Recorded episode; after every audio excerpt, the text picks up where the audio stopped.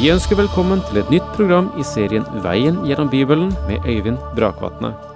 Denne studieserien er produsert av P7 Kristen Riksradio og bygger på serien Through the Bible av Vernon McGee. I dag fortsetter vi med gjennomgangen av Markus evangelium.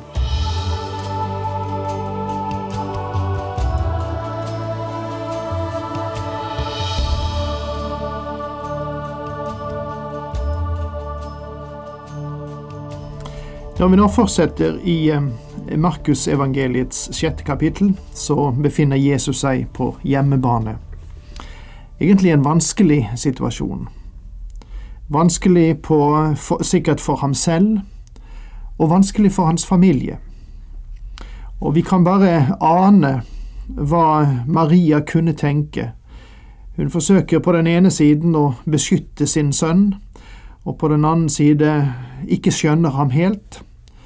Hun er klar over at han har en egen bane å følge, men det må ha vært en merkelig situasjon for henne og for den øvrige familie, Jesu halvbrødre og halvsøstre. Og han møter da også de store konflikter og de store vanskeligheter for sin egen del, og blir misforstått og som han sier, en profet blir ikke foraktet noe annet sted enn på sitt hjemsted, blant slektninger og sitt hjem. Og der slapp vi taket i Markusevangeliets sjette kapittel sist.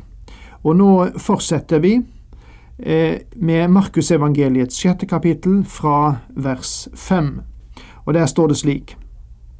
Han kunne ikke gjøre noen mektig gjerning der han bare la hendene på noen få syke og helbredet dem, og han undret seg over deres vantro.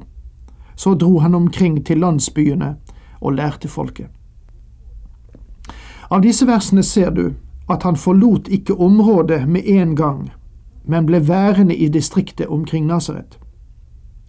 Første gangen var han faktisk blitt drevet bort fra byen, og han hadde dratt til Kapernaum for å gjøre den til sitt hovedkvarter. Og dette er et meget bemerkelsesverdig avsnitt fordi det sier oss at han ikke kunne gjøre noen kraftige gjerninger der på grunn av deres vantro. Den eneste begrensning for all makt er vantro. Tro er den eneste forutsetning for å for, forløse Guds makt til frelse. I det store kapittelet i Jesaja 53, som åpenbarer Guds store frelse, åpner profeten kapittelet med disse ordene. Hvem trodde det budskap vi hørte? For hvem ble Herrens kraft åpenbart? Hvem vil tro det? Min venn, vantroen stenger til for allmakten. Vantroen blokkerer og isolerer for Guds makt. Og slik er det også i dag. Han var overrasket over deres vantro. Og dette er ikke den eneste gangen vi vil legge merke til at han blir overrasket. I Matteus kapittel 8 vers 10 står det Jesus undret seg da han hørte dette, og sa til dem som fulgte ham, sannelig, jeg sier dere, en slik tro har jeg ikke funnet hos noen i Israel. Han talte om uh, offiserens tro. Her legger vi merke til at han dro omkring til landsbyene i nærheten for å undervise. Og dette er en god lekse for kristne arbeidere.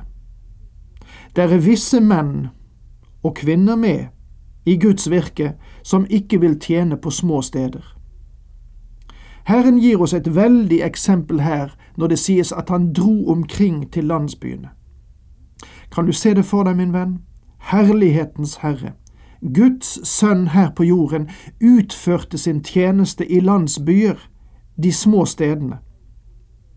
Han kunne ha sendt et telegram til Rom og leid Colosseum til et kjempemøte. Som kristne vitner og forkynnere må vi passe oss for elefantsyken, og vi trenger å lære en lekse av Jesus på dette punkt. Han kalte de tolv til seg og sendte dem ut, to og to, og ga dem makt over de urene ånder. Nå sender han ut sine disipler, og han sender dem med budskapet om omvendelse, som er det samme budskapet han har forkynt. Han sender dem ut to og to. Det er interessant å legge merke til at verken Matteus eller Lukas sier det når de gjengir denne hendelsen. Han ga dem makt over urene ånder, som syntes å være den høyeste makt de kunne utøve. Han påla dem at de bare skulle ta stav med seg på veien, ikke brød, ikke væske, ikke penger i beltet, de skulle ha sandaler på føttene og ikke ha på seg mer enn en kjortel. I den gamle oversettelsen står det og ikke to kjortler. Ja, hvorfor ga han dem en slik ordre? Vel, de skulle reise lett. Det skulle antyde at det var presserende og at tiden var kort, viktigheten av deres misjon og deres totale avhengighet av Gud. Senere finner vi at de ble bedt om å ta med seg disse tingene fordi de skulle ut på en lengre reise. Matteus understreker at denne gangen skulle de bare dra til de tapte får av Israels hus, og de skulle ta imot den gjestfrihet som ble tilbudt dem. Og han sa til dem, Når dere har tatt inn i et hus, så bli der til dere drar videre. Er det et sted de ikke tar imot dere og ikke vil høre på dere, skal dere riste støvet av føttene og dra bort derfra. Det skal være et vitnesbyrd mot dem. Det er eh, en alvorlig og viktig tur de nå skal begi seg ut på. Lys, mine venner, lys gir ansvar. Å fornekte Guds nåde var å invitere dommen inn, og det samme er sant også i dag. Så gikk de ut og forkynte for folket at de skulle vende om. De drev ut mange onde ånder og salvet mange syke med olje og gjorde dem friske.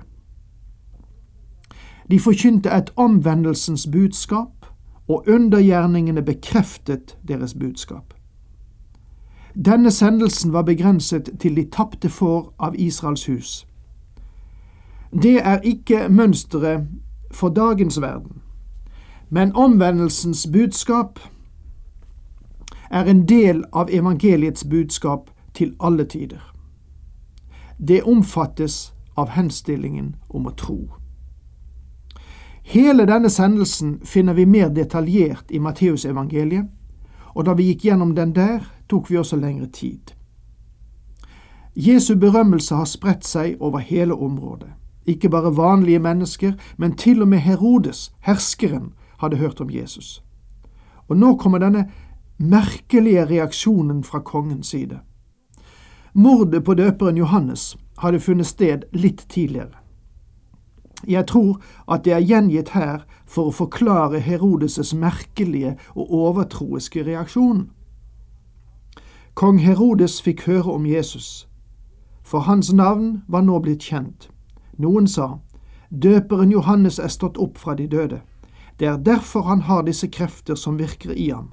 Andre sa han er Elia, og noen sa han er en profet, like som en av de gamle profeter.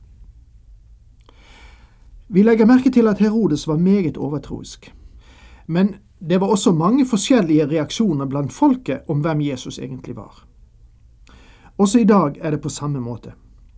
Vi finner at forskjellige mennesker har forskjellige synspunkter og forskjellige forklaringer angående Jesu person, nærvær og makt. Der rådet egentlig stor forvirring, og Herodes var avgjort engstelig. Men da Herodes hørte det, sa han, Johannes som jeg lot halshogge, er stått opp igjen. Herodes var redd. For Herodes hadde sendt ut folk for å gripe Johannes og hadde kastet ham i fengsel og bundet ham.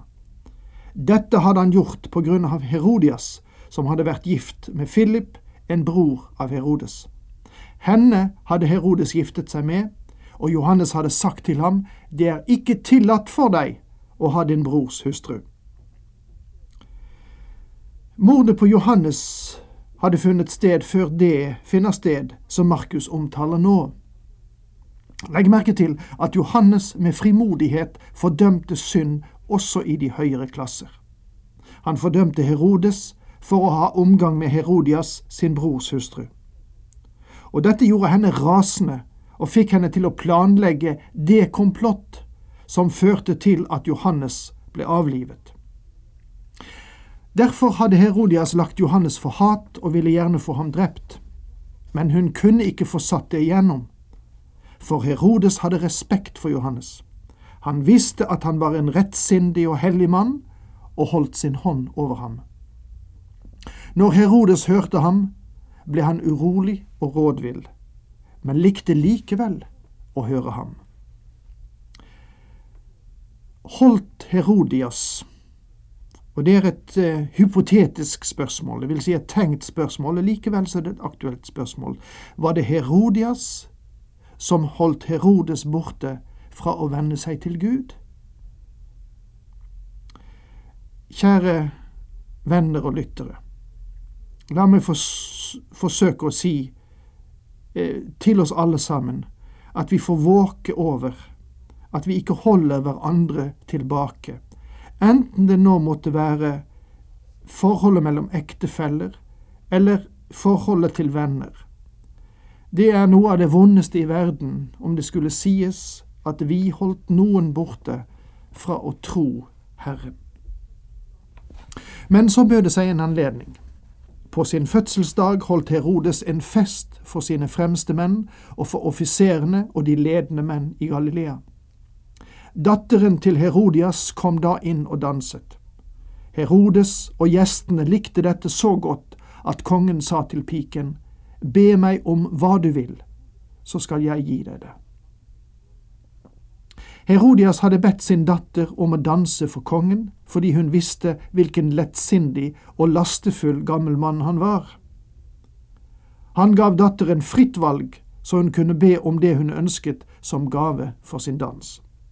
Han sverget på det og sa, Hva du enn ber meg om, så skal jeg gi deg det, om det så er halvdelen av mitt rike. Hun gikk ut og spurte sin mor, Hva skal jeg be om? Hun svarte, Hodet til døperen, Johannes. Hun hadde forberedt dette. Denne kvinnes brutalitet overstiger den sorteste tanke. Straks skyndte hun seg inn til kongen og sa hva hun ønsket. Jeg vil at du med en gang gir meg døperen Johannes' hode på et fat. Da ble kongen meget bedrøvet, men fordi han hadde sverget, og det mens gjestene hørte på, ville han ikke si nei til henne. En annen av Herodes svakheter avdekkes her. Han var redd for hva hans venner ville tenke og si. Han eh, har en falsk forståelse av verdier knyttet til en ed. Og kongen sendte straks en av vaktene med ordre om å hente Johannes' hode. Han gikk av sted og halshogde Johannes i fengselet, og kom med hodet på et fat og gav det til piken, og hun ga det til sin mor. Dette var et kaldblodig mord. Da disiplene hans fikk høre dette, kom de og hentet liket og la det i en grav. Johannes' disipler tok med seg det resterende av Johannes' legeme og begravde det med den største ømhet. Og her, i slutten av denne tragedien, er nå vår tid ute akkurat for denne gang, og jeg må si takk for nå, Herren med deg.